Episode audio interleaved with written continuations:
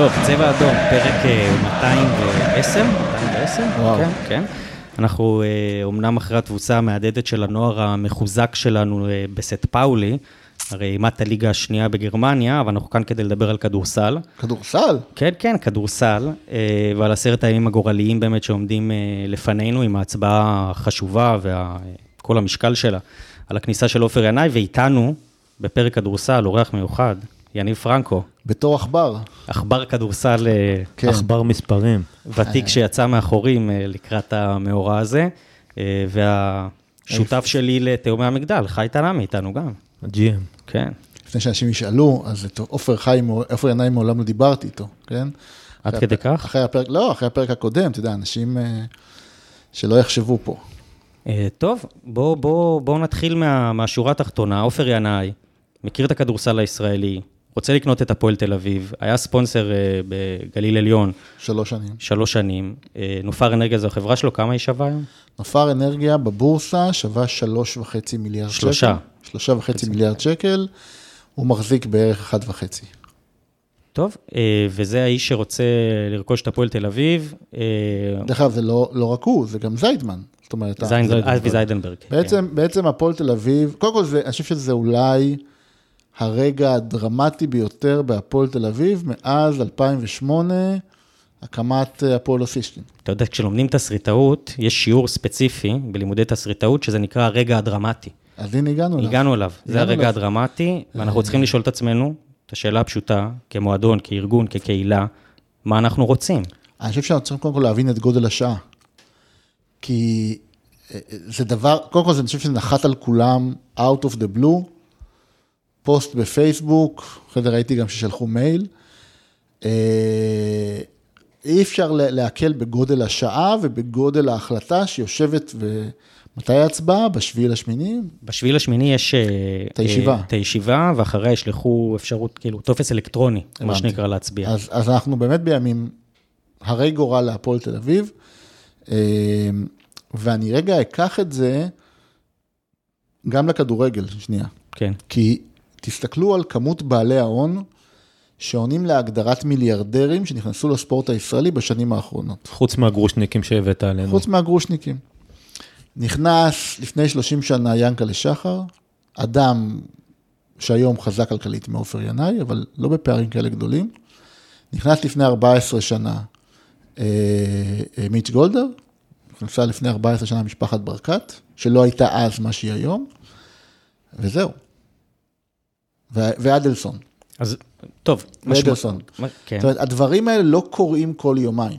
היכולת לגייס מיליארדרים, להשקיע בקבוצת ספורט ישראלית, לא קורית כל יומיים, ולכן... בטח לא בהפועל תל אביב.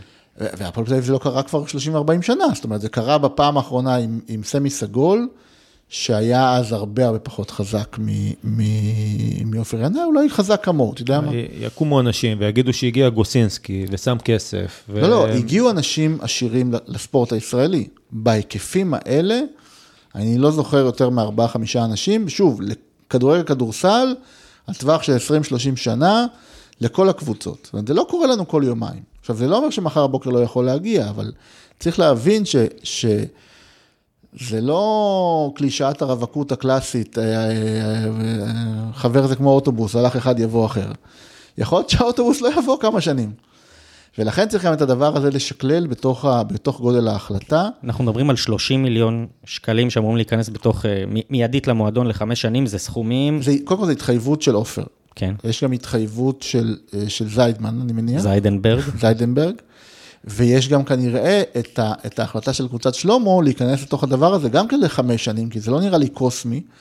שזה אחד הספונסרים הגדולים אה, בספורט בספורט הישראלי. הישראלי. זאת אומרת, כנראה שהקומבינציה היא הדבר המעניין, ובמובן הזה, לא משנה מה תהיה ההחלטה, אני חושב שזה שאפו לרמי ולמתן, שהצליחו להביא את הקומבינציה הזאת, שמאפשרת לך היום לדבר על תקציבים שלפני שבועיים שלושה, שהסתכלנו על אדלסון, הסתכלנו על, על, על מכבי, ואתה אומר, בואנה, הפערים רק, רק נפתחו. אתה, אתה סגרת את הענף. אני סגרתי את הענף, כי אני, לפני שנה חגגנו את ההחתמה של תומר גינת ב-250 אלף דולר לעונה. בא אדלסון ונתן 500 ליובל זוסמן. עכשיו, בספר שלי, אני לא מבין כדורסל, אני לוקח את תומר גינת any day of the week על, על זוסמן. אז במציאות שבה זוסמן אולי יהיה השחקן החמישי-שישי של הפועל ירושלים עם 500 אלף דולר, אתה על תומר גינת עושה חגיגות ב-250, המציאות הזאת יכולה להיות מציאות שעוד נתגעגע אליה. אז זה גודל ההחלטה בעיניי, זה גודל הסצנריו, ואני מניח שאם היה מגיע מישהו ואומר, אני קונה את הפועל תל אביב בשביל מיליון שקל השקעה, אז לא היינו מתרגשים, אולי היינו אומרים לא, עם כל הכבוד. עברו אנשים ששמו מיליון שקל, היה את ידידיה, היה עוד מישהו, עכשיו כן, אבל. הם, כולם היו, מוכנים לעסקת אורי אלון. זאת אומרת, עסקת אורי? אלון אומרת, ויש אנשים כאלה במשק הישראלי, אורי אלון הוא גם בן אדם מאוד מאוד חזק כלכלית, ראינו אותו מה הוא עושה בהפועל ירושלים, ראינו לאן הוא הביא אותם. שני אליפויות וקבוצה מאוד מאוד חזקה. אורי אלון שנכנס אז להפועל ירושלים היה יותר חל- חלש כלכלית מעופר ינאי, אני לא בטוח שהיום זה המצב, שהיום הוא לפחות באותה קנה מידה. אבל אורי אלון, שהוא נכנס להפועל ירושלים כדורסל, אה, אה, התנהג בצורה אחת, ואז הוא הבין שבאיזשהו מקום עדיף לו להיות מה שנקרא הספונסר השקט. זאת אומרת, לתת לאנשי קטמון להיות בפרונט, לספר את הסיפורים שלהם, לשים את השלושה, ארבעה, חמישה מיליון שקלים שהוא שם, חלק מזה דרך חסות ודרך הוצאה מוכרת, וחלק אולי ישירות, לא, לא ברור לי המודל עד הסוף, ועדיין להיות בעל שליטה מסוים. ועדיין להיות בעל המאה, בסדר? שבסוף בעל המאה הוא גם בעל הדעה, עם שלושה מתוך שבעה חברי ועד מנהל בהפועל קטמון, אבל כלפי חוץ לאפשר את ההצגה. אדם נוימן, במציאות כלכלית טיפה שונה, עושה אותו דבר עם אוהדי הפועל פתח תקווה. נוח לו להיות ה, ה, ה, לא, לא בפרונט, המנכ"ל אה, נשוי לאחותו, הכל די ברור מי בעל המאה, מי בעל הדעה, אבל כלפי חוץ העמותה וכל הסיפור הנרטיבי היפה. אה, אבל יש אנשים שבאים ואומרים, אם אני לוקח את הדבר הזה, אני לוקח אותו to compete. ואני רוצה להכניס את הסטנדרטים שלי, ואת הראייה שלי, ואת הדרך שלי, ובשביל זה אני לא יכול להיות שותף שקט, ידידיה. אני רוצה להיות שותף, לא יותר משותף, אני רוצה להוביל. ובשביל להוביל, אני צריך לשים כנראה חבילה של כסף, אה, והוא שם אותה בהצהרה מאוד מאוד נועזת, דרך אגב הוא כבר שם אותה כבר בשנה האחרונה, תכף נדבר על זה. אה, והחבילה של כסף היא בעצם אה, אה, מאפשרת להאמין שיש פה משהו קצת שונה. עכשיו, אי אפשר להגיד גם, תכף גם ניגע בזה, שכל בעל הון הוא, הוא אותו דבר. זאת אומרת, אין דין שאול אייזנברג, בעל ההון הפרטי. שזה החשש הגדול ביותר. עם, אה, נכון, אבל שאול אייזנברג זה אפילו לא שרון ניסנוב. ו- ועופר ינאי זה, תכף נדבר על הברקתים. זאת אומרת, זה גודל, גודל ההשוואה. לא, ברור, אי אפשר להשוות. אם היה אבל מגיע... אנשים משווים. אם היה מגיע טביב, או אם היה מגיע ברק אברמוב, או אם היה מגיע ידידנו אמיר כבירי, הייתי יכול לפקפק בעסקה. פה מגיע בן אדם שהוא לא... הוא לא עסקן ברמה הזאת שאנחנו צריכים לפחד, לפחות לדעתי. תראה, זה לא מישהו שזר לענף, זה מישהו שהיה ספונסר, הוא במשך, לא יודע, שנה ויותר, רואה איך המועדון שלך עובד, אומר לך, אני אוהב את מה שאני רואה, אני מזהה את הפוטנציאל, אני עקבתי אחרי זה מקרוב, עשיתי את הבדיקות שלי, ואני עדיין רוצה להיות חלק מהדבר הזה שבנית כאן. נכון, אבל אני חושב שצריך להסתכל רגע שנייה לפני שתדבר על האיש, ובוא נדבר גם על האיש בהמשך.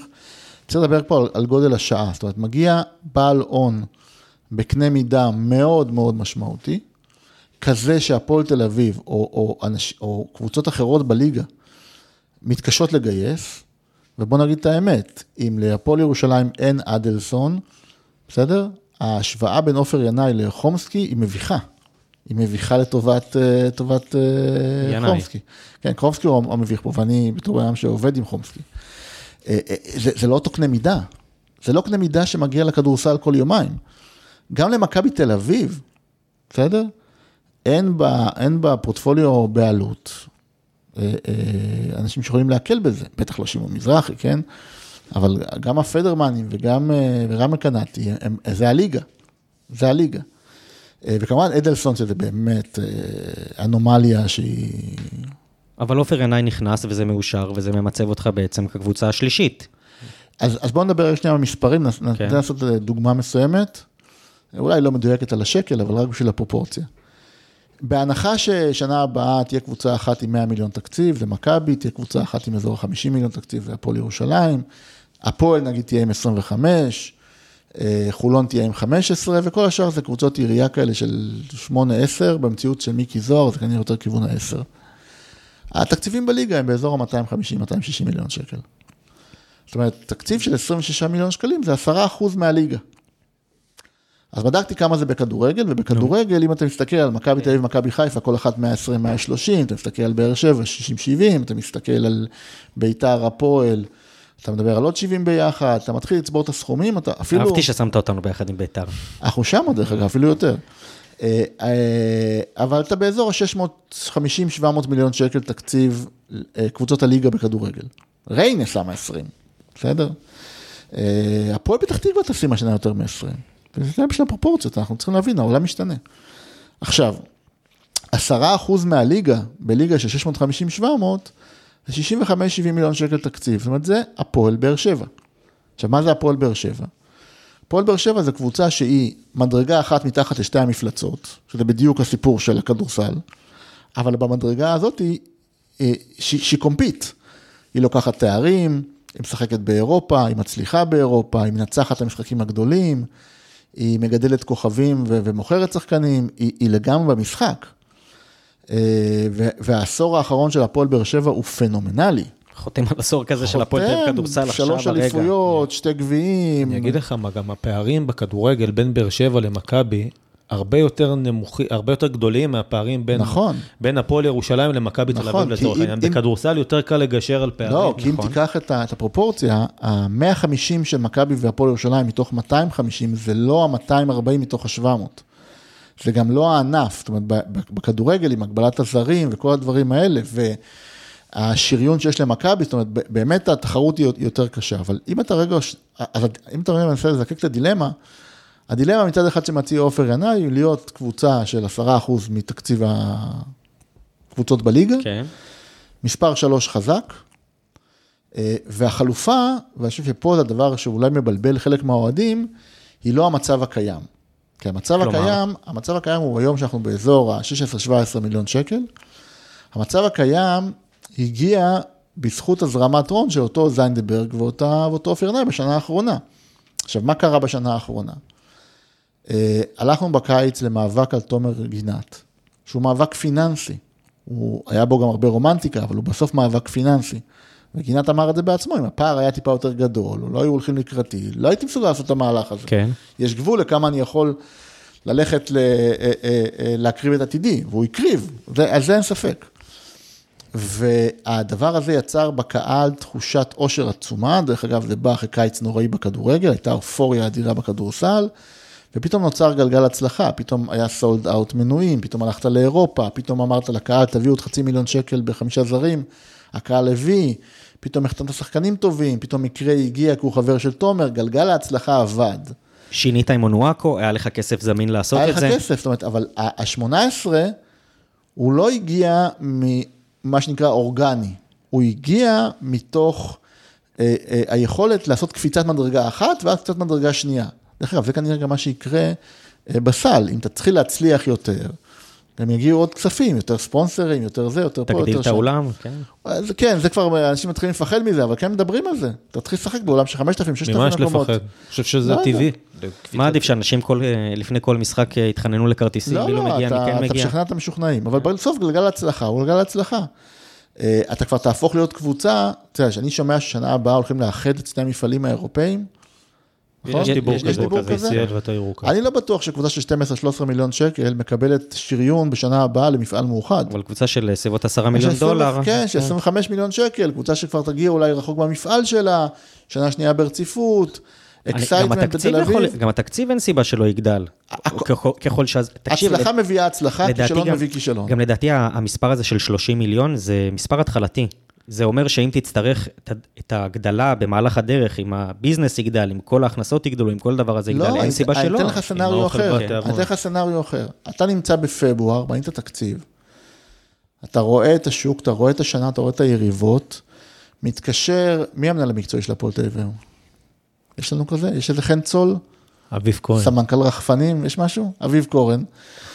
תקשיב, זה עידן פלדה, הוא אה, אוקיי, בתפקיד. מתקשר, לא משנה, רק סתם את הדוגמה. מתקשר סוכן לעידן פלדה ואומר, תשמע, יש לי פה איזה נייט רובינזון בחצי מיליון דולר לשלושה חודשים, אתם לוקחים?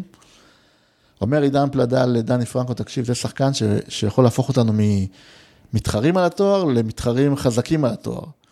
אומר לו עידן, פל- אומר לו דני פרנקו, מה עושים? בוא נלך לדבר עם מי? עם הפועל שלי? עם מי נלך לדבר? ואז אתה אומר לעצמך, עכשיו יש עם מי ללכת.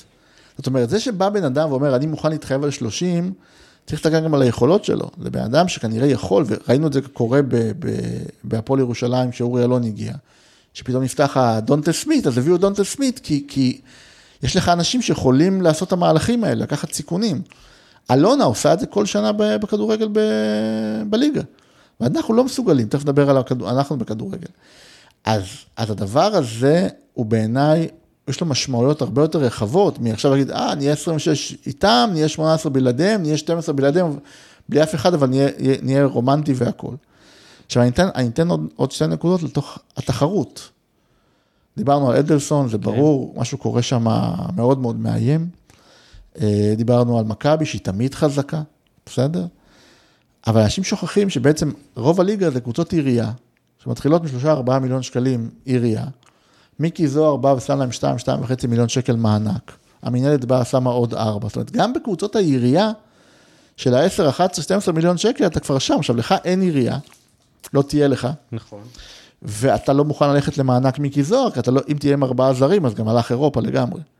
זאת אומרת, אתה, אתה מראש מתחרה גם בקבוצות החלשות יותר כלכלית, בלי שני הנשקים המרכזיים שלהם, שזה מענק מיקי זוהר והעירייה. כלומר, זה, זה לקחת לא רק לחזור למצב, להישאר במצב קיים, אתה אומר, זה לקחת צעד אחורה בסיטואציה. אי אפשר לחזור ל, ל, לאותם מים פעמיים. הנהר ממשיך קדימה, קלישאות. בוא, אני אשאל אותך אז אחרת, לצורך העניין, ההצבעה לא עוברת. הצבעה... אוקיי? את- רגע, ההצבעה אוקיי, לא עוברת. אוקיי, בוא נדבר על זה. אבי זיידנברג ממשיך? לא יודע, לא דיברתי איתו. אני, אבל אני אגיד לך מה אני חושב מה אתה שיכול חושב? לקרות. תראה, אני חושב שקודם כל, המוטיבציה, יכול להיות שהוא יישאר, כן. המוטיבציה להוציא יותר מהכיס, להיות חלק מדבר תחרותי, להיות, לשאוף לנצח. ברגע שאתה מבין שה, שהאנשים אמרו, אנחנו לא רוצים את בעלי ההון, הרי בסוף, מה זה בא, מה, מה, מה, מה, מה תהיה משמעות ההצבעה? היא אומרת, בעלי הון לא רצויים פה.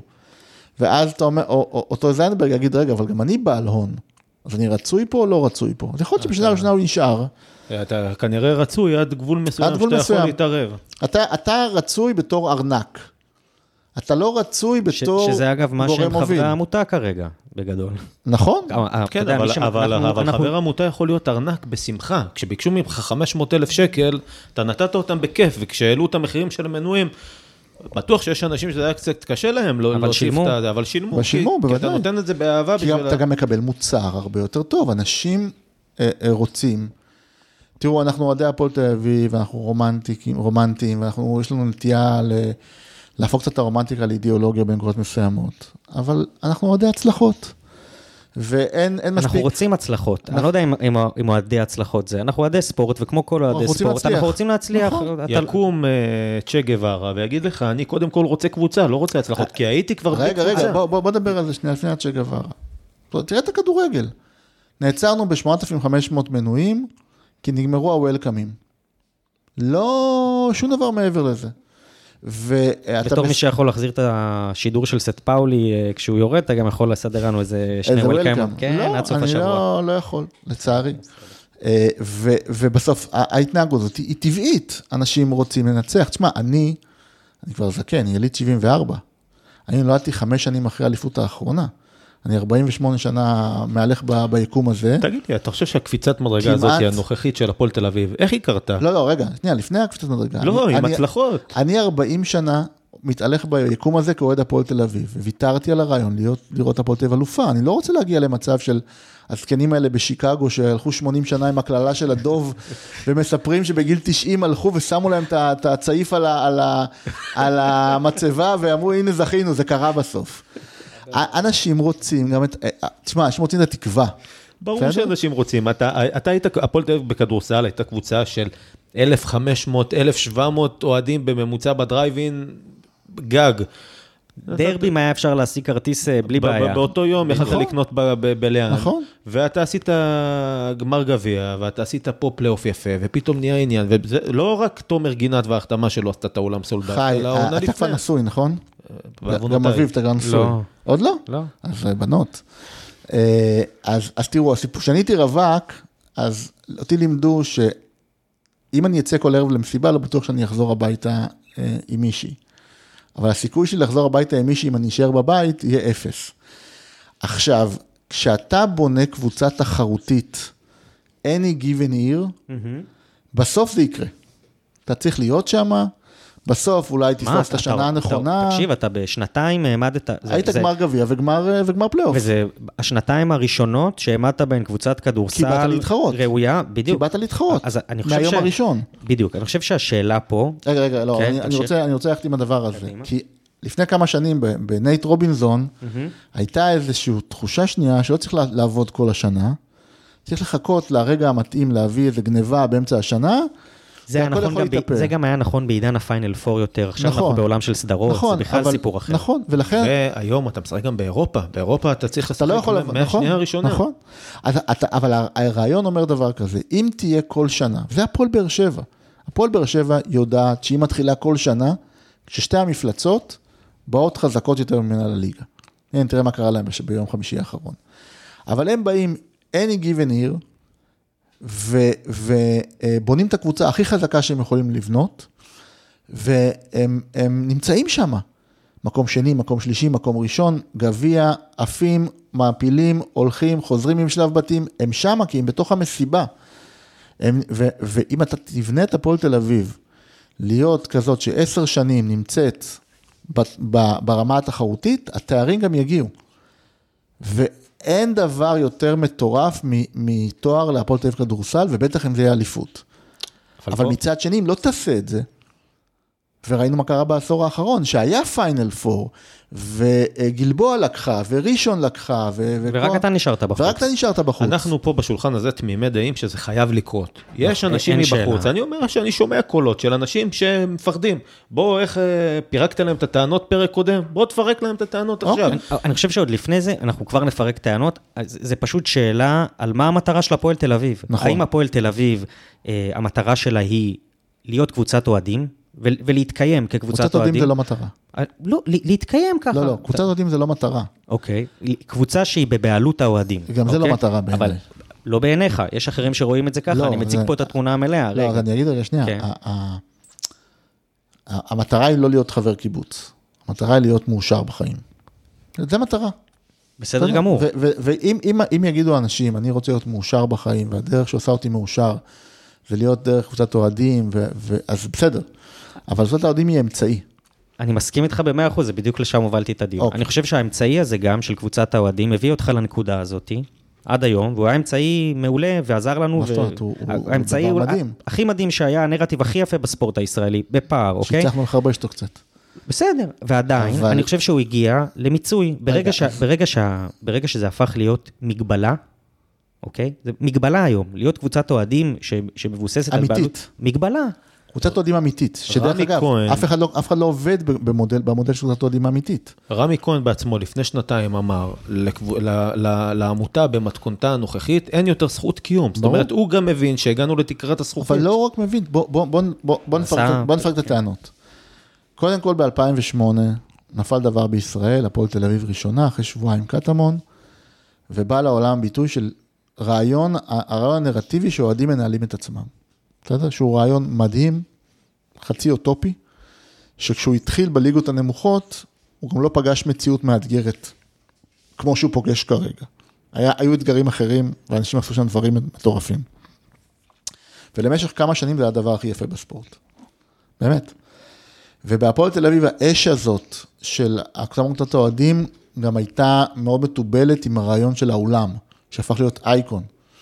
וגם את זה אה, קיבלת. וגם את זה קיבלת. ואז משהו נתקע, כי אנשים התחילו להגיד, אוקיי, חזרנו לליגת העל, ניצחנו, חוצת המשימות המפורסמת, ליגה ב', ליגה א', זה, לנצח דרבי, אולם, עשינו הכל, אבל היה בחוצת המשימות עוד שני רובליקות, גביע שזה גביע ואליפות. אליפות. ולמשך שנים, התסכול הלך וצבר תאוצה, כי ראית שאתה בכלים שלך לא מסוגל להתמודד עם, עם החלום הזה, גם במציאות שבה התחרות הייתה גמישה יותר, אפרופו פיינל פור. ולצידנו, לא קשור אלינו, הפועל קטמון, ומכבי יפו, והפועל פתח תקווה, וכל מיני דברים, רובי שפירא, וכל מיני כאלה. אני זוכר את הסדרה אותי, נורדיה. אחת הסדרה אותי בערוץ הספורט, שכל הפרקים היו על נורדיה, כי שאנן סטריט אה, הנחה, ואנחנו היינו באיזה חמש דקות, נתנו ליונתן לרנר לדבר. והקבוצות האלה, קרו להם שני דברים. חלקם קרסו, כי הרעיון הנרטיבי לא החזיק מעמד, לא בנורדיה ולא ברובי שפירא, כי זה פשוט לא יכול להחזיק מעמד, הם הגיעו לליגה א' ונעצרו שם. וגם אז היה כל מיני ספונסרים וזה, אבל כאילו, הגיעו לליגה א'. עכשיו, גם אם יבוא מישהו ויגיד לך שבכדורגל יותר קשה מאשר בכדורסל, אני אתן לך את הדוגמה של בית"ר ירושלים בכדורסל, שגם ניסו לבנות קבוצת אוהדים. ולא הצליחו. ותקועים בליגות לא, הנמוכות, אבל- אם- אם קיימים בכלל היום, אני לא אבל יודע. קטמון והפועל פתח תקווה, וגם אנחנו, תחת רעיון קבוצת האוהדים, הכניסו המון המון בעלי הון. קטמון היום היא ארגון אה, של 25 מיליון שקלים, שהאוהדים בדמי חבר שמים חצי מיליון. אז הם באים ואומרים, זה לא דמי חבר, זה דמי חבר ומנוי, אז תחשיבו זה מיליון וחצי, ואז הם אומרים, אבל מי שגייסה את התורם הזה היא אוהדת, אז בעצם הכסף הזה, נו, מה, אנחנו עובדים? יש שם שלושה תורמים עשירים חוץ מאורי אלון, ויש שם את אורי אלון, ויש שם את USAID, אה, אה, ממשלת ארה"ב שתומכת בפרויקט האנשים, ויש כל כך הרבה הון שמגיע לקבוצת האוהדים, ואנחנו יושבים ואומרים, כן, הם קבוצת אוהדים, למה? כי הם טובים מאוד במשחק הנרטיבי, בסדר? אבל בסוף, בסוף, בסוף, הם הולכים ומגייסים הון, רק הם שמים אותו לא בפרונט, אלא מאחורי הפרונט. אבי וגם- זיידנברג. אבי זיינדנברג. וזה הביא אותנו מה-12 מיליון שקל ל-10 מיליון שקל, ל-15 וה-16 ולאופוריה של תומר גינת וכל הדברים האלה. אבל בסוף אתה רואה, וזה גם יקרה בהפועל קטמון, הרי הם, ראיתי את כל התגובות שלהם ב- בסושיאל, הם רועדים מזה, כי הם יודעים שדקה אחרי זה, הרי בסוף מה, מה יקרה אם יבוא אדלסון ויגיד, תקשיבו, למה שנעשה גם הפועל ירושלים, כדורגל, כדורסל? בואו, קחו ממני 10 מיליון דולר, ותהיו פה, אבל אני רוצה את השליטה. מה יגידו כל הצ'ה גוורות מ- מקטמון? יונתן כהן וכל החבורה הזאת שהייתה מאוד מודאגת השבוע בו- באולפן ערוץ הספורט. הם בתוך שלוש דקות יושבים כל העיתונאים שם, מנסחים נרטיב חדש ומסבירים שזו ההצלחה הכי גדולה של הפועל ירושלים, שחזרה מסאסי דרך האוהדים לאדלסון. כי הם יודעים לעבוד. אנחנו נופלים לתוך הקלישאה הזאת, אז זה פעם ראשונה. ב-2008, בלי, אה, איך קראו לבחור הזה שהלך ורשם את הקבוצה? מאור הראל? מאור הראל. בלי מאור הראל, שלא, ש, שכולנו היינו, בכינו והלכנו לאסוף קרשים מ... מאוסישקין, באוסישקין. ו, וכל הטראומה הזאתי. וכל הקמפיין, אני מאוהב באוסישקין, וכן. הכל, ו- וה- והבולדוזרים, ובאמת, אחד הרגעים באמת הנוראים, אבל בלי האנשים האלה שעשו מעשה, בלי לדעת מה הם עושים, לא הייתה הפועל תל אביב בתצורה הנוכחית. אולי היינו נזרקים עוד שנתיים והיה קונה אותנו מישהו, אבל לא היה את מה שהיה.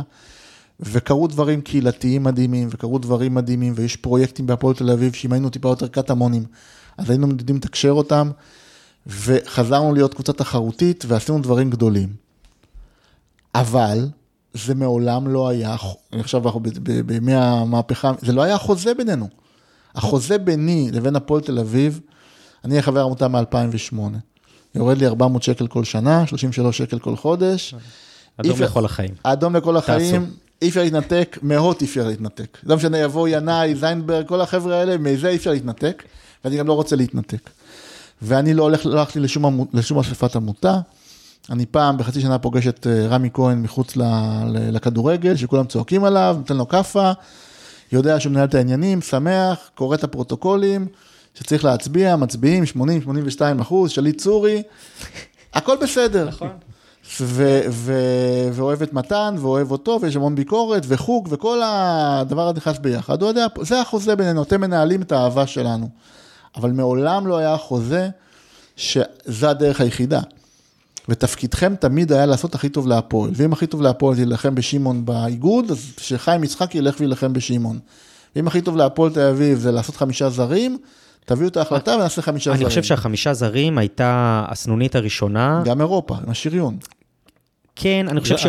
זה- לא שריון. זה לא היה בדיוק שריון. לא משנה, זה היה. לרדת מאיזה עץ. תקשיב, אני, דווקא. חושב שהעץ היותר גדול היה הנרטיב של השחקן הישראלי. אנחנו נכון. מגני השחקן הישראלי, אנחנו נגד ריבוי זרים. כי כשאין לך תחרותיות, אתה רץ לנרטיבים. בסדר גמור, אז אני חושב שברגע הזה שבאו, לא יודע, 106 אנשים להצבעה, 90 הצביעו בעד. נכון. אוקיי? אחוז כזה, אני, אומנם מדגם קטן, אבל מייצג של אנשים שהיה חשוב להם לבוא, אני אומר בסוף, זאת הייתה נקודת האל חזור של האוהדים. אבל גם אנשים הלכו וגייסו חצי מיליון שקל. נכון, אני אומר, זה, הרישום של הזר החמישי, שם לדעתי כבר הוכרעה הסוגיה. אנחנו קבוצה תחרותית, הכרענו את זה רוצים כבר. להיות קבוצה תחרותית. נכון. שנייה, אני אתן לך סקופ, שאתה אומר, הלכו האוהדים, גייסו חמיש- אה, חצי מיליון שקל, גם את זה לא גייסנו בלי עזרה מבעלי הון. בעלי הון בסדר, באו אז ושמו כסף. אז שמו 420 ולא... זה זה לא, בעיניי שולי. שמו, שמו שמו כסף. ארגזים של כסף, גם בעלי הון שעשו את זה ככה מסביב ונתנו את הקרדיט לאוהדים. תקשיב, האנשים פה, בואו, בואו בוא נדבר שנייה על כדורגל. אם נוכל לנצח דרבי עם 12 זרים בהרכב, ונגד כל הערכים משער לא חוקי בדקה ה-95, למישהו זה יפריע? לא, לוקח עכשיו, איפה ברור, חותמים? אז ברור, ככה אוהדי הפועל, ומה שחשוב שהפועל תנצח. ולא חשוב, עכשיו, כשאין לך את זה, וזה מה שקרה בכדורגל, אתה הולך ל... אני קבוצת צעירים, אני מגדל צעירים, אני הולך לרומנטיקה, אני אצלי זה ככה, אני לא מכבי, אני לא פה, אבל בסוף, אתה יודע, אני יושב בהמון קבוצות וואטסאפ של אוהדי הפועל, בסוף, אנחנו לא מכבי, אנחנו לא מכבי, אנחנו לא מכבי, אבל אם ספורט ישיר לא הביאו לי את החולצה עם פאץ' מודפס ו- ו- ו- ולא רקום, זה עכשיו שבוע נהי. אתה יודע מה קורה בחנות של הכדורסל? כן. אז, אז. אז קבוצת אוהדים זה בדיוק הדבר הזה, זה מלעבור מהארבעה מתנדבים שיושבים שם, ואין מידות, ואני כל הזמן צועק על ברגר, תביא לי כבר משהו לקנות לילד, והוא מסביר לי שהגיע משלוח, ווינסטון מסביר לי שנשארו שלושה דגמים של אה, שמאל, אז אני ארוץ עכשיו, כי, כי זה פה, לרצון שכן תהיה לנו חנות, וכן תהיה לנו זה, וכן יהיה לנו את הדברים, שבסוף הם מדברים לקהל הרחב. עכשיו, אנחנו fucking הפועל תל אביב, אנחנו צריכים להיות כדורגל וכדורסל, top 3-4 מועדונים בכל ענף, אה, עם הקהילה הכי חזקה, עם הפאסון הכי גדול, תחרותיים, זוכים בתארים, ולא יכול להיות שבכדורסל אנחנו נבכה על 95, לקחנו גביע האחרון, ובכדורגל עוד נספור את, את 2010, והנה באו אנשים ועשו צעד, שדרך אגב, גם, אני חייב להגיד ברמה האישית, מישהו מבטיח למתן קפלן ולברגר ולנוף שיש להם מחר משרה? איך זה עובד כשיש אה, רכישות חברה, נכנסים חלק בעלים? נשארים, חלק לא נשארים, והאנשים האלה באים ואומרים, הפועל תל אביב יותר חשובה, מה התפקיד שלי? אז, אז, אז, אז אנשים יותר צריכים מזה, להבין את הסיטואציה נת- הזאת. נתתם עכשיו אה, 90 ו- ויותר אחוזי הצבעה לרמי בבחירות. כן. אם סמכתם עליו עד עכשיו, אתם לא סומכים עליו שהוא הביא את העסקה הזאת מתוך מקום שהוא מאמין שזו העסקה הטובה ביותר כן, להפועל כי, תל כי אביב? רמי מה, הוא, הוא טוב רק לריב עם שמעון באיגוד, הוא טוב רק לזה, שאגב, הוא, הוא ימשיך בזה לפי ההודעה הרשמית, אה, ב, איך מעולה. זה היה? בתי דין ומוסדות הכדורסל. העמותה ממשיכה להתנהל. וגם בניהול כן. השוטף, לפחות בתור, ה- בתור, אתה יודע, צעד ראשון, כמו שאמרת. אבל- שוב, ה- יש, צריך גם להגיד את האמת, ברגע שהעולם משתנה, הוא העולם משתנה, בסדר? אה, אני לא רואה היגיון גדול לקחת את הנכסים שיש שם להפועל תל אביב, שהיא מאוד מאוד חזקה פוליטית במ- במינהלת. דרך אגב, תסתכלו על, על, על הפועל תל אביב כדורגל, איזה בדיחה אנחנו בענף הכדורגל. נכון. אנחנו בדיחה, בסדר? לא רק מנהל, גם איגוד. איגוד, כן, איגוד, מנהלת, התאחדות. כל האקזקיוטיבות, בדיחה, כן. בדיחה. אה, אנחנו פשטנו רגל, והענף לא עצר ואמר, הפועל תל אביב חשובה לליגה כמו שעשה לביתר, ו- וזה לא עובר בכדורסל. אז לקחת את הכוח שרמי וחיים יצרו במוסדות ולזרוק אותו לפח, אני לא רואה היגיון בזה. לקחת את הכוח הניהולי של מתן, ש- שהצליח לגייס ספונסרים בצורה מאוד מאוד יפה, ולנהל את העסק הזה ולהגיד לו, לך הביתה, בוא נביא מישהו אחר, לא, אני לא רואה את ההיגיון. אבל ברור, יבואו אנשים חדשים, יכניסו את הגישה שלהם. אני מבין שרמי הולך לה, להצהיר שבאגרות המהותיות, כן. אפרופו סיפור מינסברג והלוגו, באגרות המהותיות לעמותה יהיה, וטו. זה, זה מבורך בעיניי, ואני חושב מה- שאת... מה- המהותי זה בעצם סמל, צבע, אולם, אתה לא תשחק במנור המבטח כאילו לא להפוך. להיות רדבול לתל אביב. אתה לא תהיה רדבול תל אביב, בדיוק. אז זה, אתה- שזה, אז אגב, אז- זה חשש, שאתה, אתה יודע, מה שאני קורא, רשתות אפרופו. וזה, לכולנו, אז לא, תראה, זה, הייתי- זה, זה השאלה הראשונה, איך שפורסם. אני הייתי בשיחות עם, עם, עם, אה, עם אנשי הכדורגל אחרי הסיפור הלוגו. שבסוף מה הם רצו לעשות? הם רצו לעשות משהו טיפה יותר אה, אה, קל אה, אה, ויותר שיווקי ויותר מעודכן, ואז הסתכלתי גם על לוגו 100 שנה של, של קבוצת ניסנו, וגם שם לא היה פטיש ומגל, היה רק את האיש ו- ומאה שנה. אמרתי, יש פה כנראה גם עניין של, של culture וגם עניין של, אתה לא מבין מה חשוב לאנשים. ו, ופה ח- צריך להגדיר מה חשוב באמת לאנשים, הסמלים, האולם וכל הדברים האלה, אבל צריך לזכור גם עוד דבר. הדרייבין הוא לא הפועל תל אביב. הדרייבין הוא האולם שניתן לנו אחרי אוסישקין, ואם העירייה אז, באוסישקין, הייתה, הייתה בונה לנו אולם הרבה יותר טוב אז, ואז הורסת אוסישקין, היינו הולכים לזה, כי, כי לא, זה... אני לא חושב שהדרייבין זאת הבעיה, אז- אם הדרייבין הוא אולם אחר, אני חושב. שהבעיה היא לא- ללכת לא- לשחק, בדיוק. נניח ביד אליהו. אם יש או- רדיוס, לא לארח אותו ביד כן, אליהו, אלא אבל לנסוע אני גדלתי לארנה. בשנות ה-80, והיינו משחקים ביד אליהו, את המשחקים הגדולים. בסדר, הזמנים השתנו. אין בעיה. לא, גם הערכים אין השתנו. בעיה, ו- אין בעיה, ויש דברים שהם קריטיים, ועליהם העמותה צריכה להיות שומר הסף. בסדר, אבל יש עוד דברים שאני אומר לך, יש לא מעט חששות. אתה קורא, בכל זאת, לא, לא כולם בעד העסקה. פה יש, אנחנו תמימי דעים, אחלה, זה, אני, זה אני מעולה. מנסה להבין למה לא כולם בעד העסקה, ואני מנסה להבין את, את המתנגדים, והמתנגדים שותקים ב, ב, בערוצים הרחבים. בסדר, אבל בוא אני אגיד לך, השאלה שאתה אתה קורא אותה באמת, אתה יכול, כל תגובה שנייה אתה יכול למצוא אותה, רביעית, כן. לצורך העניין. מה מונע סיטואציה של שאול 2? אוקיי. אה, פרק לי את הטענה. אני יכול להתחיל? כן, בטח. כשהפועל תל אביב עברה מגוסינסקי לשאול, כן. היה לשאול אייזנברג מעט אחוזים במועדון, הוא עדיין, זאת אומרת, הוא עדיין היה חלק מהמועדון. ביום שלעופר ינאי יימאס מ... מהבעלות בהפועל תל אביב, עדיין לעמותה נשאר תשע- 19 אחוזים. השאלה אם 19 אחוזים, אתה יכול, יש לך איזושהי השפעה למכירה עתידית, אתה יכול להגיד, אה, לא יודע, זה צריך להיות בהסכמתך. אני- רגע, אה, איך זה- בוא, בוא, בוא כן. נפרק את זה. כן. נתנו לי בבקשה דוגמאות לקריסה של מועדון ספורט בישראל, אחרי שבעל הון עוצמתי עזב אותו. אני לא מצליח לחשוב. אם ביתר ירושלים הצליחה לקום מגיידמק, לא קרה כמעט, נכון? מתי. מתי הגיעו הטראומות? הם הגיעו אחרי ש... אה, אצלנו כל כבירי רגע, וזה, רגע, האלה לא. נחשבים. אוקיי. כבירי זה לא בעל הון בעל הון ברמה משמעותי, הזאת. לא מיליארדר. מתי הגיעו הטראומות לכדורגל? אצל סאסי בהפועל ירושלים, אצל טביב, אצל שאול, אצל מאיר שמיר שלקח להם את המגרש, מכר אותו לנדל"ן והשאיר אותם בלי כלום. ו- ומאיר שמיר לא היה אז משהו היום. אה, וגם לא בטוח שזה מה שהוא עשה, אז צריך אולי להיזהר במילים. הטראומות הגיעו לא כשבעל הון רציני לקח, אותה, לקח מועדונים, הטראומות הגיעו שפרחח לקח מועדון, רוקן אותו מנכסיו, הגיע ברמה האישית לפשיטת רגל כזאת או אחרת, או לסיטואציה סבוכה עם ההודים, ואז העסק התמוטט. אתה בוחר לקחת יותר את אה, שניידר גולדהר, נכון? אוקיי? נכון. הרי בסוף, מה, מה קרה במכבי? מכבי הייתה בסיטואציה של לוני, היה בסיטואציה של כבירי, ומכבי לא קרסה. הם מצאו את הבעל ההון הבא, ואחרי שהבעל ההון הבא אמר אני לא יכול, כי העולם יכול להיות. שאיש עסקים טוב כמו עופר ינאי גם רוצה למכור את זה ברווח, למישהו שיש לו יותר הון. כל מה כאילו, שעופר ינאי נגע בו בק- כן. בקריירה העסקית שלו, הפך לזהב. אני רוצה להתמודד אה? עם המזימה, בסדר? כן. מה זה המזימה? כן, על איזה מגיע- מזימה אתה מגיע מדבר? אדם שמחזיק בחברה ששווה שלוש וחצי מיליארד שקל. שלושה וחצי. שלושה וחצי מיליארד שקל. מתוכם הוא מחזיק 1.5 מיליארד שקל, והוא עכשיו הולך להשקיע 30 מיליון שקל בהפועל תל אביב, כדי לעשות flip ולמכור אותה בעוד חמש שנים ב-40 מיליון שקל. זאת המזימה. שייקח את ה-30 מיליון שקל האלה, ישים אותם בפק"ם, ובעוד חמש שנים יקבל את ה-40 מיליון לא, אני- שקל. אני גם רוצה להגיד, אוקיי. זה אני- הפחד הגדול? לא, אבל יש גם עוד את הפחד של... עכשיו רגע, לא, אז כן. אני אגיד את זה. כי בכדורגל, זה המודל של, של, של המינסברגים. שם יש מודל של private equity, שאומר, אני אשקיע שלושה מיליון דולר כדי לקבל ארבע. מקובל, והם גם הם. גם באו עם זה על מה- מההתחלה. אמרו את זה מההתחלה. היה לך מודל שאמר, אני לא אשקיע, אני, אני אשקיע כלום ולא אקבל כלום, ו... ואם הוא מחליט להפסיק להשקיע? כלומר, מה, מה, מה, מגבה, מה מגדר את הפועל תל אביב? כלומר, מה, מה נותן לנו איזשהו... תראה, הדברים בדרך כלל הם, הם כאלה, זאת אומרת, בדרך כלל, א', לוקחים ערבויות, זאת אומרת, הוא התחייב 30 מיליון וכל הדבר הזה. שתיים, דווקא בכדורסל, בניגוד לכדורגל, המצב הוא יותר פשוט, כי רוב החוזים הם תמיד לשנה-שנתיים. זאת אומרת, בכדורגל יכול לבוא אדם, לייצר חוזים לחמש-שש שנים, ל- להתחייבויות ארוכות טווח, להגיד אני לא, לא רוצה, ואז אתה בעצם עם שקט שבוע. תשמע, מכבי לא, חיפה רגע. וג'ף רוזן היה שם התרסקות, לא משנה. לא, לא רק זה. ג'ף רוזן, אתה באמת משווה את ג'ף רוזן לעופר ינאי?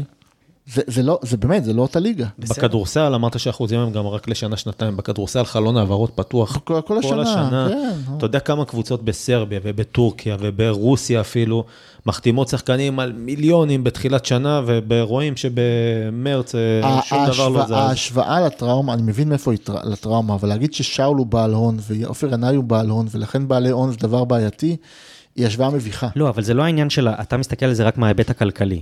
ופה, שזה ההבדל המשמעותי.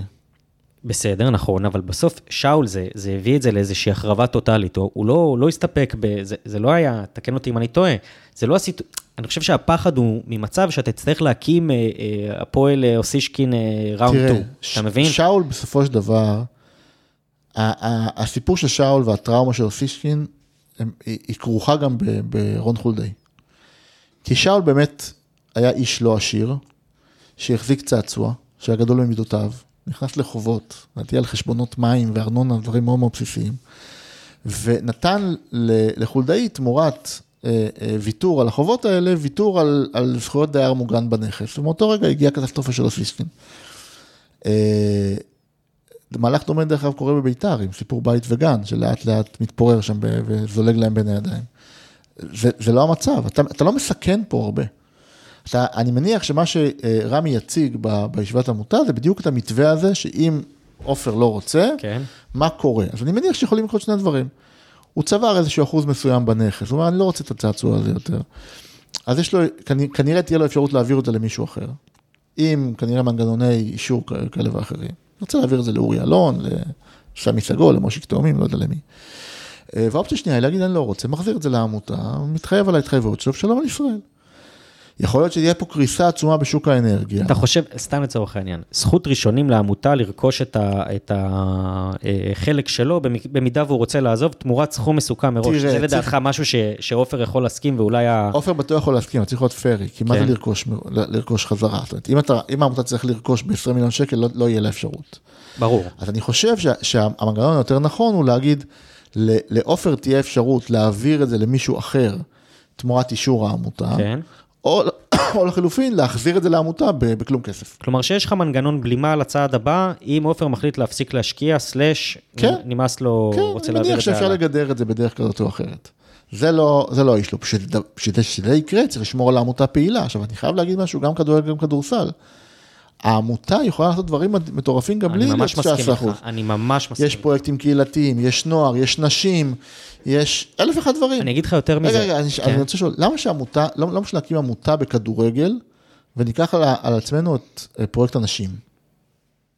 קדימה, לך על זה. למה, למה לא? לא, אני, אני, תקשיב, זה הקטע הזה של הרי אה, הכסף- להשתחרר מהצורך הכלכלי, הרי בוא, בסוף זה לא, לא אנשים שהעבודה שלהם היא בג- לגייס כספים, לא מומחים בגיוס כספים, ופתאום נפלה הבוננזה הזאת, ומשתחרר מהם הצורך הזה להתעסק בכסף. נכון. ולבקש כסף. יש לך אותו, הכסף זמין, הוא נמצא. אתה יכול להתעסק בכל כך הרבה דברים מסביב, ב- ב- בכל המעטפת שאנחנו נורא נהנים להתגאות בה, ב- בצוות סושיאל, ב- במרץ' המצוין, בכל הדברים, בכל מה שזה הפועל תל פעילויות כמו המשחק הראשון שלי, כל הדברים האלה, אתה יכול ליצור, אתה, הרי מה מיוחד בהפועל תל אביב? מה מיוחד בקבוצת כדורסל הזאת?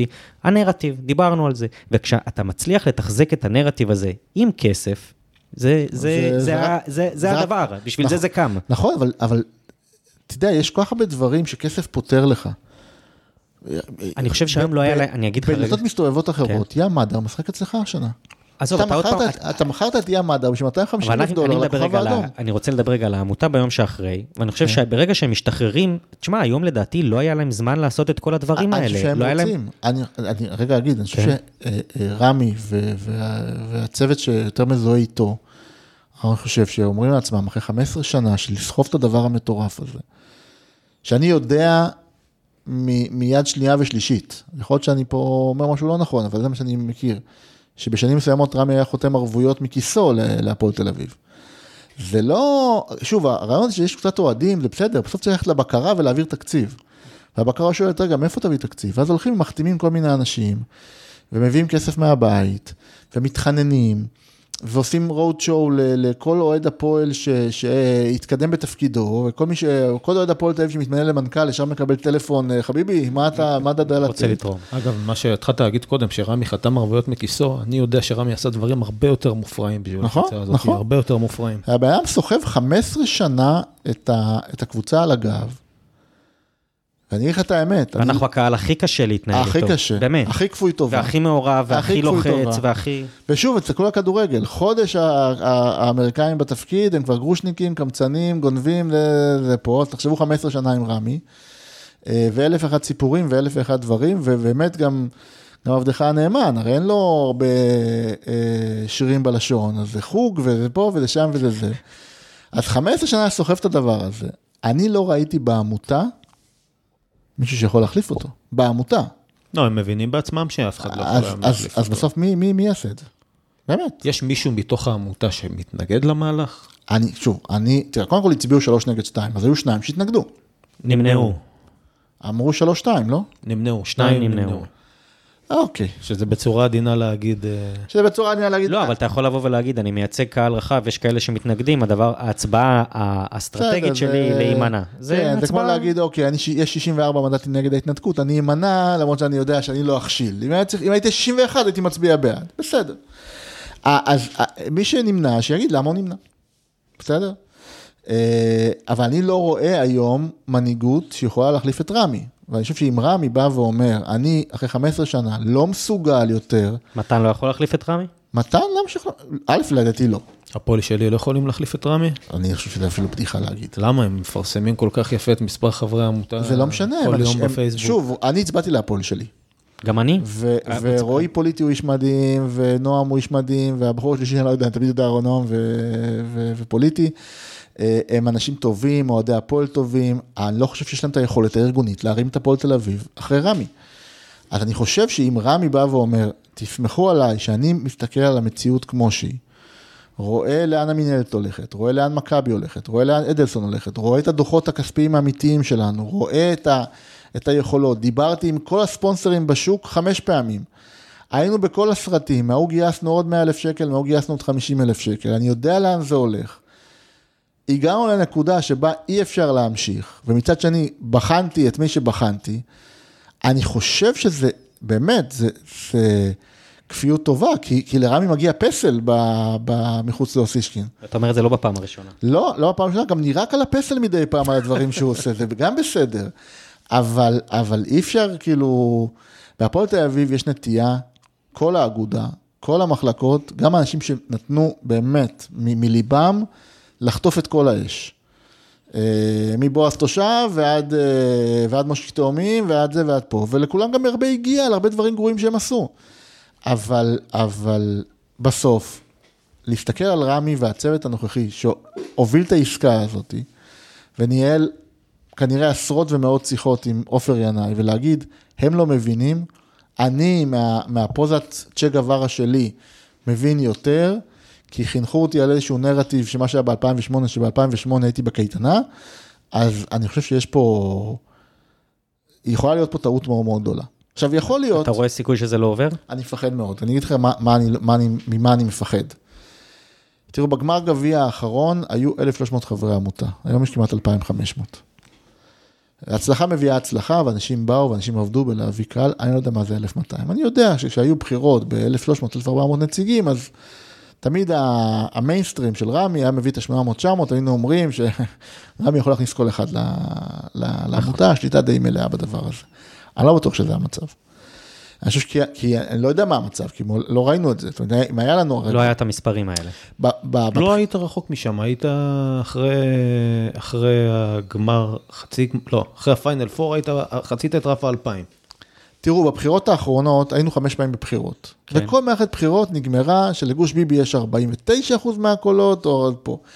בפ- בפעם החמישית הוא קיבל 49, אבל ההיא לא עברה את אחוז החסימה, אז הוא הגיע לרוב. אבל היה לך איזושהי הבנה, היה לך סקרים, היה לך חמש מערכות בחירות, ידעת פחות או יותר את התיקו הפוליטי במדינת ישראל.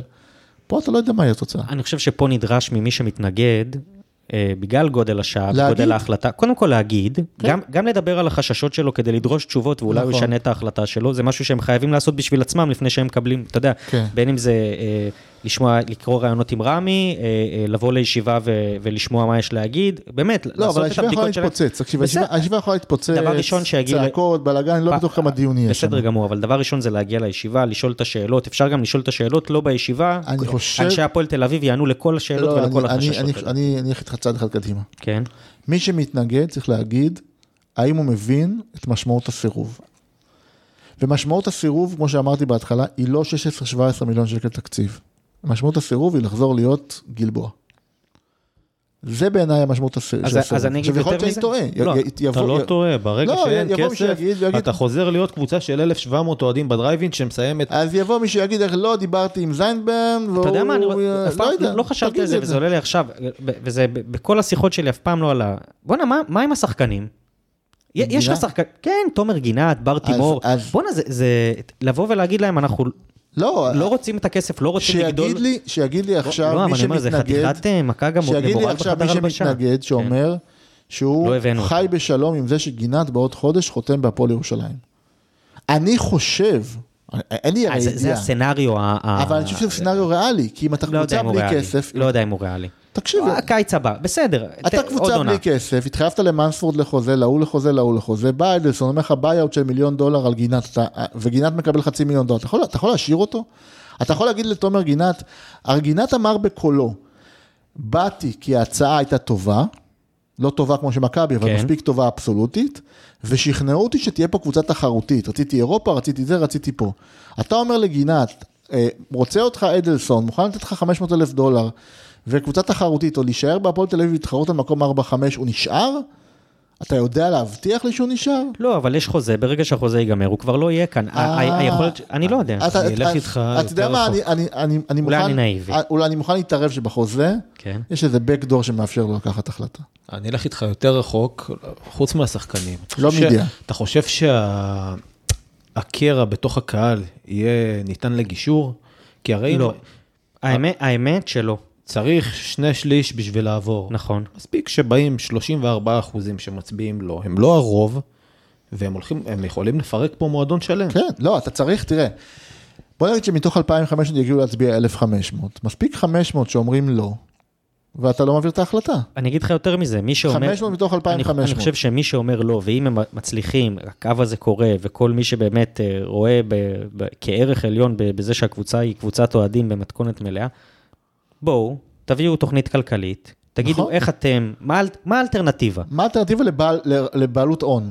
באופן כללי, אתם לא, חושבים רגע, שאתם רגע. יכולים, אתם חושבים שיש לכם את היכולת לבד לגייס? אז- אז אני- בבקשה אז אני תגייסו. ככה, יפה, תגידו לי, הרי תראה, גם ברצלונה הם קבוצת אוהדים, גם ביירן מינכן, עכשיו אני שומע את המודל שלך. המודל הגרמני. המודל הגרמני.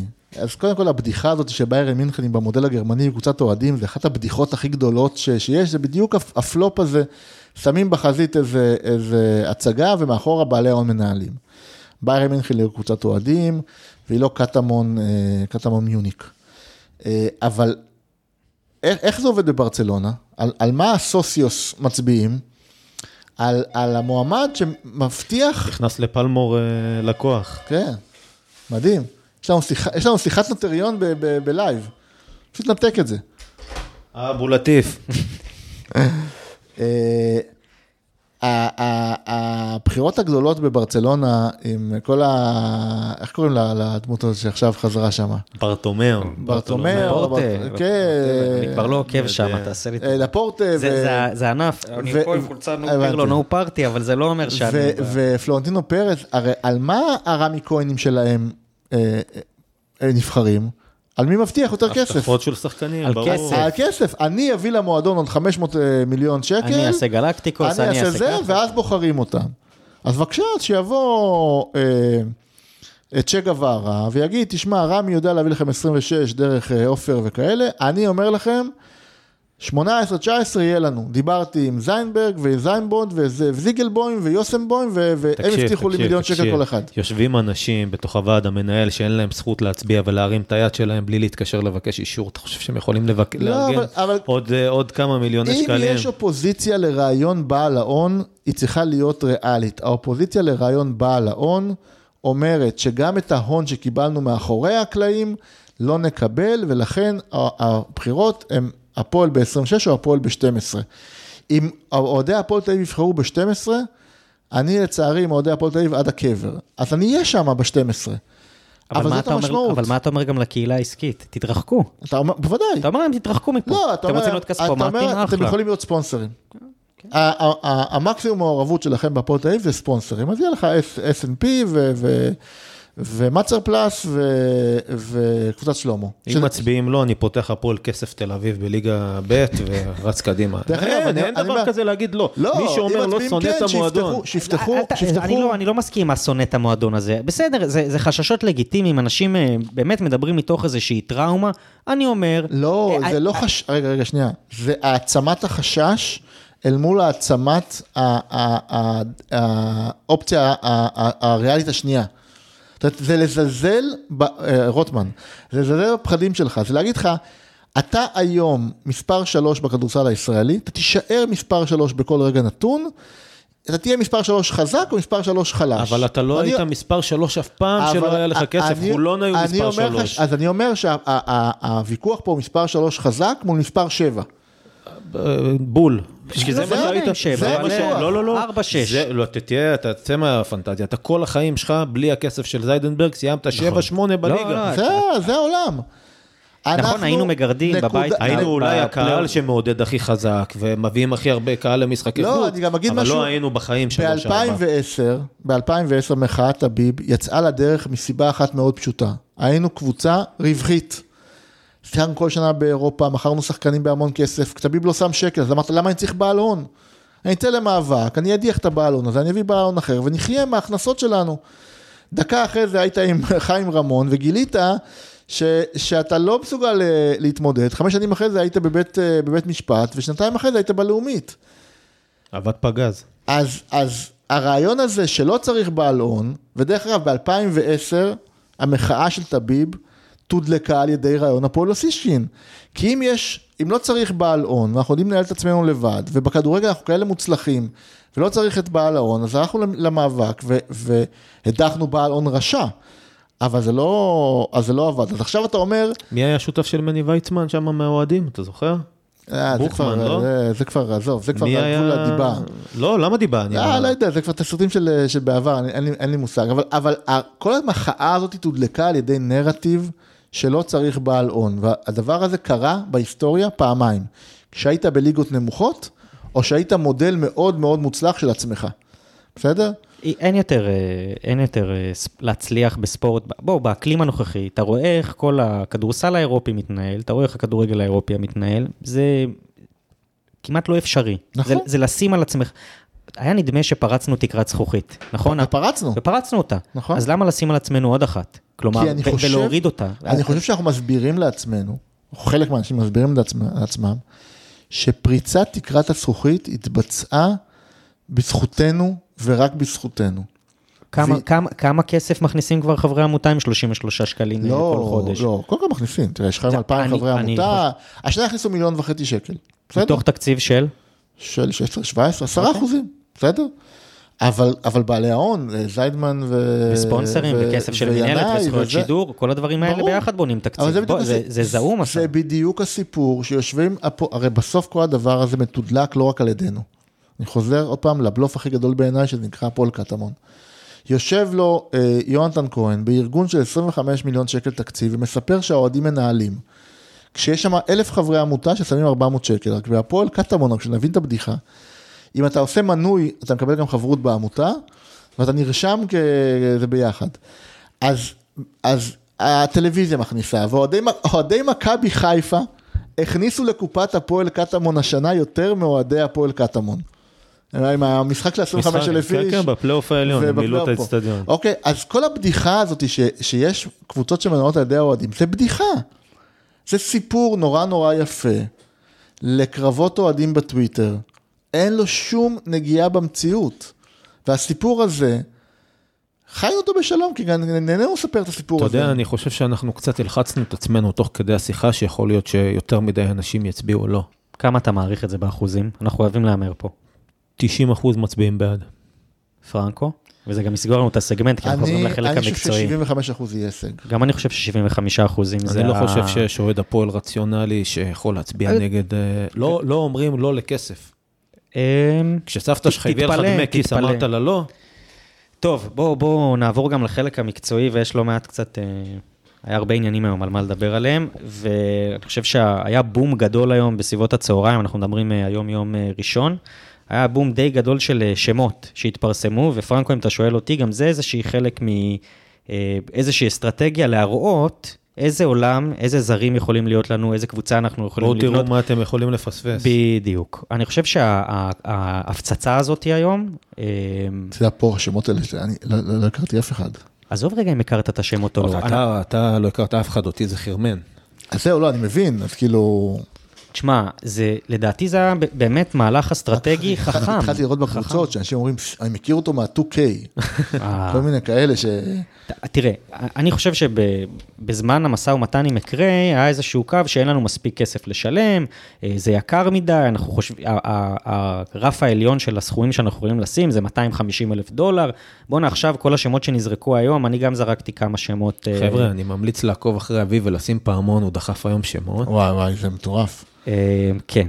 אה, אז אני אומר, הרף העליון של השחקנים, שבעצם של, יש, יש יותר כסף ממה שציפו. אני לא יודע אם לא ידעו להגיד את זה לפני כן, כי בוא, כל, המס, כל המשא ומתן עם עופר והעסקה הזאת התגבשה, אבל פתאום אנחנו, ההיצע שלנו גדל, וכל השמות שנזרקו היום אה, כמועמדים, זה, זה, אנחנו מדברים על זרים של, אתה יודע, מעל 300 אלף קודם דולר, כל- 400 אלף דולר, זה קודם כל- מספרים מטורפים ביחס קודם כל, להפועל זה, תל אביב. מק, זה מכחיך את כל הטענות שמקריי ביקש יותר מדי כסף וזה נפל על זה, כסף. זה, כבר, זה כבר סיכמנו, זה לא על כסף. נחלת העבר, אבל היום זה, זה, זה מכחיך את זה ממש. כן, וזה, ואתה יודע מה, אה, תשמע, אני עדיין כואב מאוד את מקריי, כן? שלא יהיה. ספק, ולא משנה מי יבוא המחליף, אני עדיין באיזשהו אופן בטוח ארגיש איזושהי תחושת החמצה, ואני חושב שפספסנו כאן אה, הרבה שקט, אגב, להנהלה, לקבוצה, אתה יודע, אנחנו לוחצים על וולקאמים, לוחצים שיבואו שחקנים, ואנחנו הקבוצת יורוקאפ האחרונה שעוד לא החתימה אף רכש, כן? אגב, זה שיש לך כסף, זה לא נותן לך ערובה שתגיע לך הצלחה.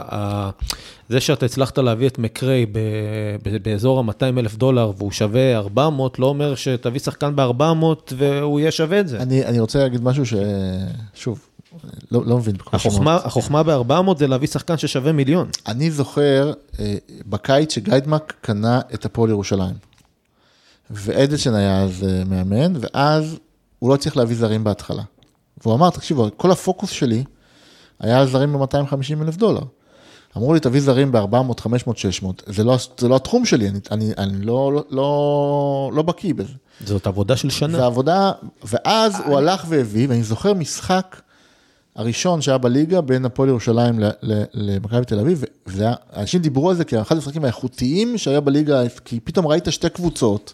היה פה מריו אוסטין, היה- היו היו דברים מטורפים. וואו. עכשיו, אני חושב ש, שבלי להכיר אף שם, רק הרעיון שפתאום בהפועל תל אביב יהיו זרים של 400-500 אלף דולר ביותר מאחד, זה, זה, זה, זה mind blowing מטורף. מטורף. זה מטורף. זה באמת ושוב, מטורף. אני לוקח את זה לכדורגל, זה מה שאני מבין, אבל זה כאילו, כולנו פה התחרמנו מהאפשרות של סטיפה פריצה ישחק בהפועל, אז פה יש לך אפשרות להביא חצי הרכב כזה. חד משמעית. לא, לא, זה- הרבה יותר מסטיפה תשמע- פריצה, זה כמו... זה כמו להביא שחקני, זה כמו להביא את, אה, את בון מווסטהאם, זה, זה כזה, זה דרג שני באירופה, זה כן. כמו להביא את מדיסון. מ... תשמע. כי מישהו אמר לי, תבין, מה זה אדלסון. אדלסון, ההון של משפחת אדלסון, זה עשר פעמים מיץ' גולדר. בסדר? 37 מיליארד מול של- מול שלושה ארבעה מיליארד. בכדורסל, במיליון יורו, במשכורת של ערן זהבי, אתה מביא top talent אירופאי, חד משמעית. אוקיי? זה הפרופורציות. נכון? אז באמת, אני הולך עם מה שאתה אומר, זאת אומרת, שחקן של 400-500 אלף דולר, זה לא פריימר ליג, אבל זה, זה ליגה ספרדית לא, בחירה. לא, לא, לא, זה תחתית- שחקני תחתית יורוליג. פר- כן, כן. נפלטי יורוליג זה לגמרי השמות שאנחנו מדברים עליהם.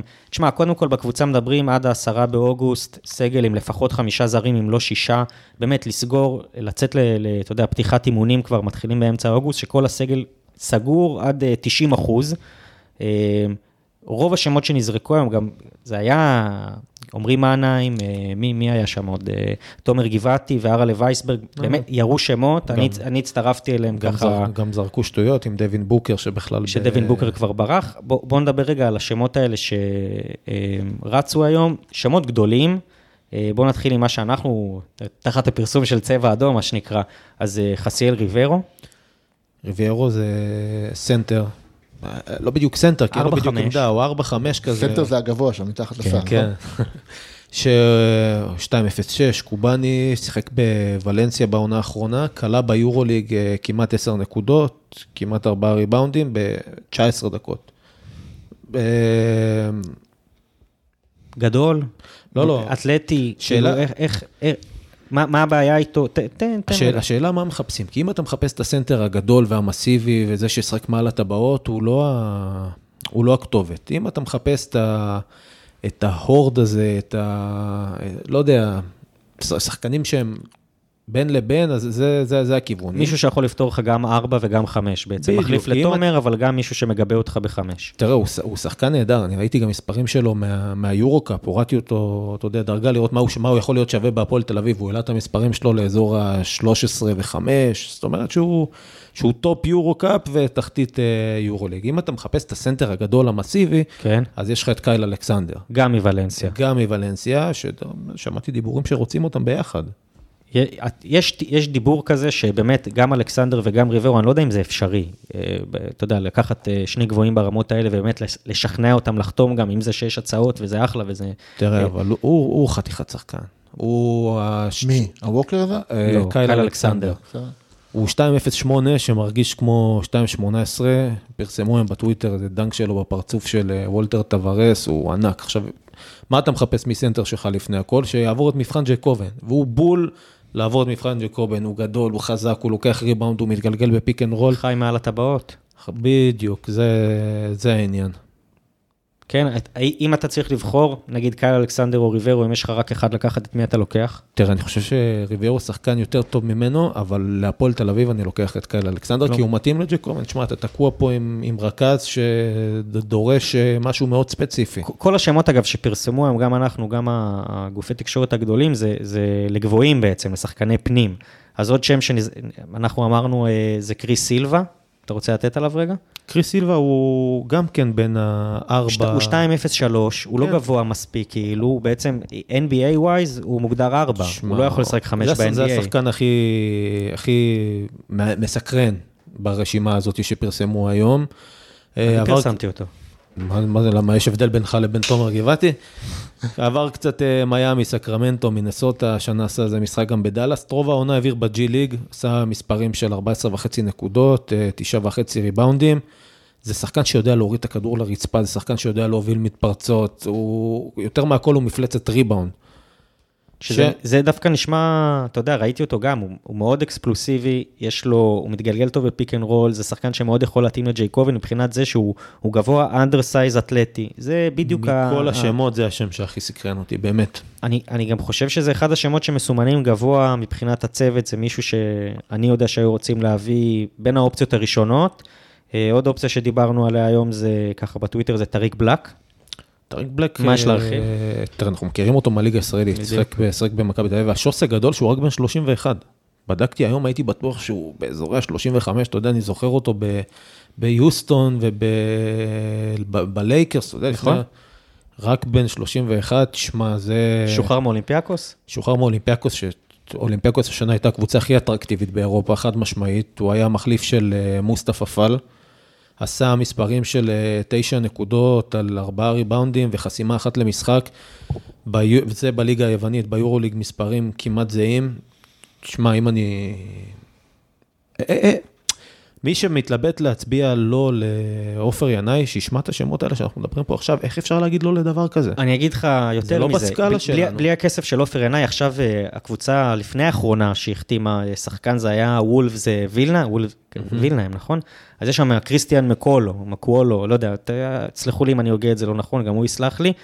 זה היה שחקן top ברשימות שלך, ובסוף זה שחקן שהביא אותו קבוצת, אה, לא יודע, תחתית. דרג, ד- תחתית. אם זה היה ב top רשימות שלך, והיום אתה יכול להתמודד על שחקן כמו חסן וייטסייד, לצורך העניין, שזרקו אותו היום, תשמע, חסן וייטסייד, אני אישית לא אוהב אותו. באמת, זה שחקן ששנאתי ב-NBA, לא, אני אוהד מיאמי, לא יכולתי לראות אותו, באמת, זה נורא. הוא שחקן הגנה מזעזע, הוא...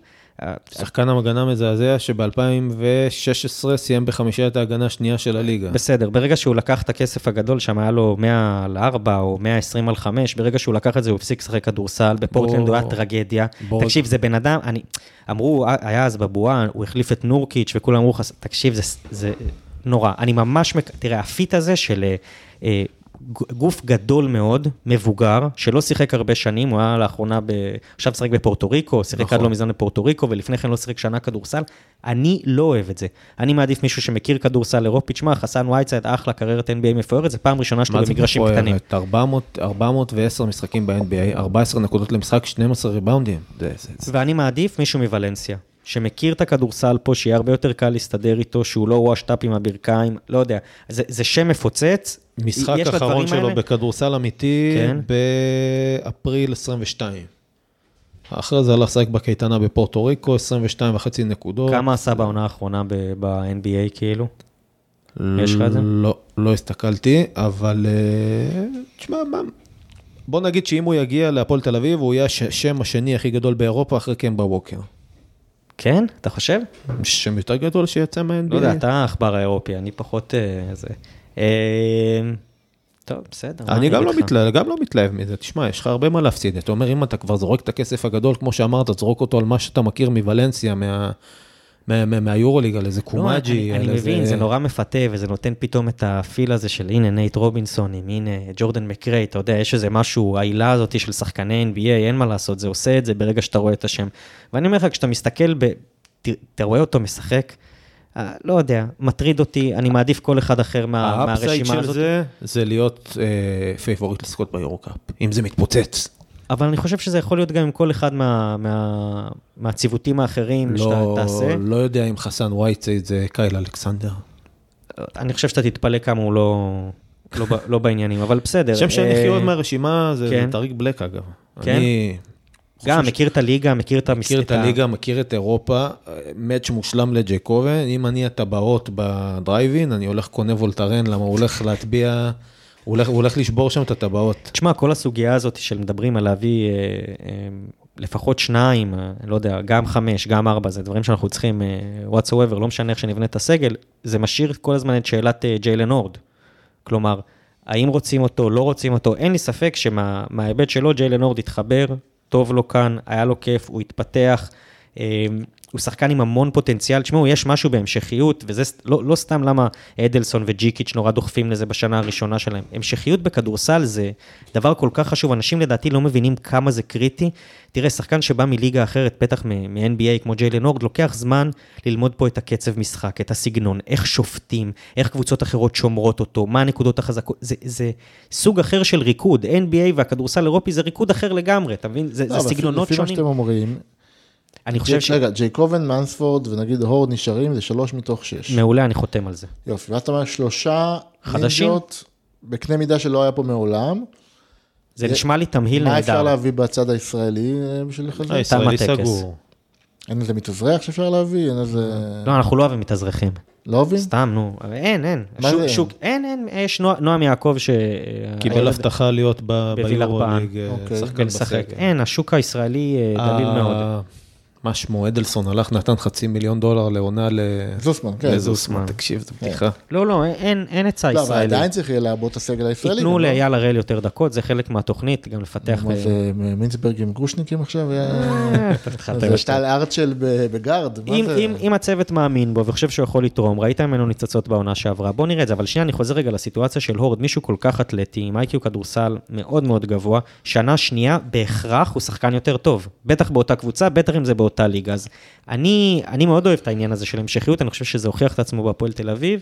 אה, וזהו, מי, ש... מי שאנחנו עדיין, אה, השאלה הכי גדולה, זה הסימן שאלה הכי גדול, דיברנו עכשיו על גבוהים וזה, וזה אחלה, זה מי מחליף את מקריי. אה, אני יכול להגיד לך מי לא מחליף את מקריי, שפנינו אליו זה דבון ריד, שיחק בדנבר ובלייקרס בעונה שעברה, בסוף ברח לפרומיטי, לננו גינצבורג יש מנהג כל קיץ לחטוף לך איזה שחקן שאתה רוצה, בקיץ הקודם זה היה קיילב אגדה, נכון? כן, עכשיו זה... אולי אפשר להביא את אה, ננו גיסבורג. אה, ב- בוא נראה, בוא נראה. כמה פרנקו מחזיק, אתה אומר. השני. רגע, תן לי לסמן את זה. באחד, אה, בשעה ושלוש עשרה. רגע. מפגר. טוב, מה עוד? והיה לנו את, וואי, איזה שם קשה יש לו. טימותי לואו קברו. קברו. קברו. TLC בקיצור. תשמע, זה שחקן, באמת, אם היינו מצליחים להביא אותו, אנשים פה היו תולשים שערות מרוב התרגשות. אה, פנית אליו, גילית שהוא מקבל יותר כסף. זה שבכלל אתה חושב על עצמך כמועמד להביא אותו, זה ה mindset, זה, זה השינוי mindset. זה ככה אתה חושב בגדול, זה לדעתי, לא יודע. איך שאתה צריך להתמודד עכשיו כשיש לך כסף, להפסיק לחשוב, אה, אתה יודע, על אה, זרים של 250 אלף דולר, ולהתחיל לחשוב על זרים הרבה יותר גדולים וחזקים. מי יחליף את מקריי? זה עדיין השאלה הכי גדולה. אני לא יודע. אה, לך יש לך איזה כיוון? כי אני חושב שבסוף, דיברנו על זה גם בפרק הקודם של הכדורסל, אנחנו הולכים לאיזשהו, לאיזושהי בנייה, אתה רואה את זה גם מה- מהסגנון סגנון סנטרים שמחפשים, כולם אתלטים, כולם מסיימים מעל הטבעת, לנסות עוד פעם ללכת לשחקן הזה, אה, לקבוצה הזאת, סליחה, שתהיה סביב ג'ייקובן בראון. כלומר, הוא, הוא, ה- התקבלה החלטה, אני דווקא, מי, הוא ש... המנ- מי שמסקרן אותי מי, מי יחתום, זה, זה דווקא הארבע. כי אם אתה עוד פעם תלך על ארבע כמו JP וכמו הורד, בלי קליעה בכלל, תשמע, זה תוקע אותנו וזה רוצח אותנו. תומר לא פגע שנה מבחוץ עד, עד הפלייאוף בערך, בפלייאוף הוא טיפה התחיל לזה. אם אני הייתי, אם זה היה תלוי בי, מה הוא שם פה, בובוזלות? הייתי מחתים את קייל ווילצ'ר בארבע. אני חושב שזה מושלם להפועל תל אביב. אני חושב שגם בשלוש אתה צריך, אני חושב שזה מה שמכוונים אליו, מכל, איך שאתה מבין שהסגל הזה נבנה, מישהו שיותר כמו ג'יימס יאנג. ואם יש מישהו שהוא תואם ג'יימס יאנג, שגם מכיר פה את הליגה, וגם, אה, אתה יודע, היה ברמות הגבוהות ויכול לתרום לך מיידית ולא צריך הרבה זמן להתאקלם, אני חושב שזה יכול להיות fit אה, מושלם. אה, אנחנו יודעים שיש שמות כאלה על הפרק, אנחנו לא יכולים להגיד עדיין את מי, אבל אה, אני מניח שבאמת, עד ה... עד יודע, שדודי יעלה את הפרק, אתם כבר גם תדעו. אולי, אולי כן, אולי לא. בכל מקרה, אני חושב שכן יש עכשיו, יהיה ניסיון מאוד אני- מאוד מהר אני לסגור את אגיד הסגל. למאזינים, כן. שמי שישמע את הפרק ברוורס, במהירות של 45 שניות, יוכל לשמוע בלייב, ולכן השמות פורסמו בפרק, ורק תצטרכו אחר כך לוודא את זה.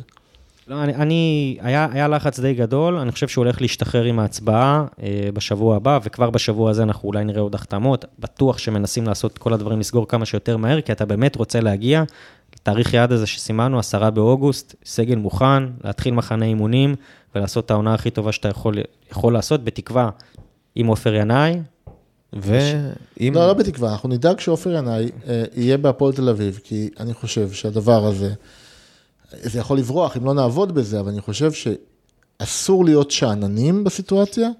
אני עדיין חושב שרוב אוהדי הפועל תל אביב רוצים תקווה למועדון הישגי ותחרותי, ולהחזיר את הפועל תל אביב למה שהייתה בשנות ה-80 וה-90, והזקנים כבר בשנות ה-60 והזה. ו- רוצים תואר. אה, אה, רוצ, רוצים יותר מתואר, רוצים כל שנה להיאבק על תואר. זאת אומרת, אם נזכה עכשיו באליפות מקרית ונעלם לעוד 30 שנה, זה לא הסיפור. הסיפור הוא, הוא, הוא תקווה שהמועדון הזה תמיד ילך קדימה. הוא הלך קדימה ב-2008 והוא ילך קדימה ב-2023. וזה בדיוק ה-Q שלנו לסיים ככה עם המשפט הזה, עם כל הפאתוס של ללכת קדימה, אנחנו היינו צבע אדום, פרק 200. אתה לא מסיים לפני שאני אומר שאני עשר. לא מוותר על האופציה של מוזס בראון. אוקיי. שמעתם? הפועל תל אביב. מוזס בראון, זה הגבוה שאנחנו אחלה רוצים. המבורגר, אני, אני אוהב. יאללה, הפועל תל אביב, תודה. יאללה, הפועל.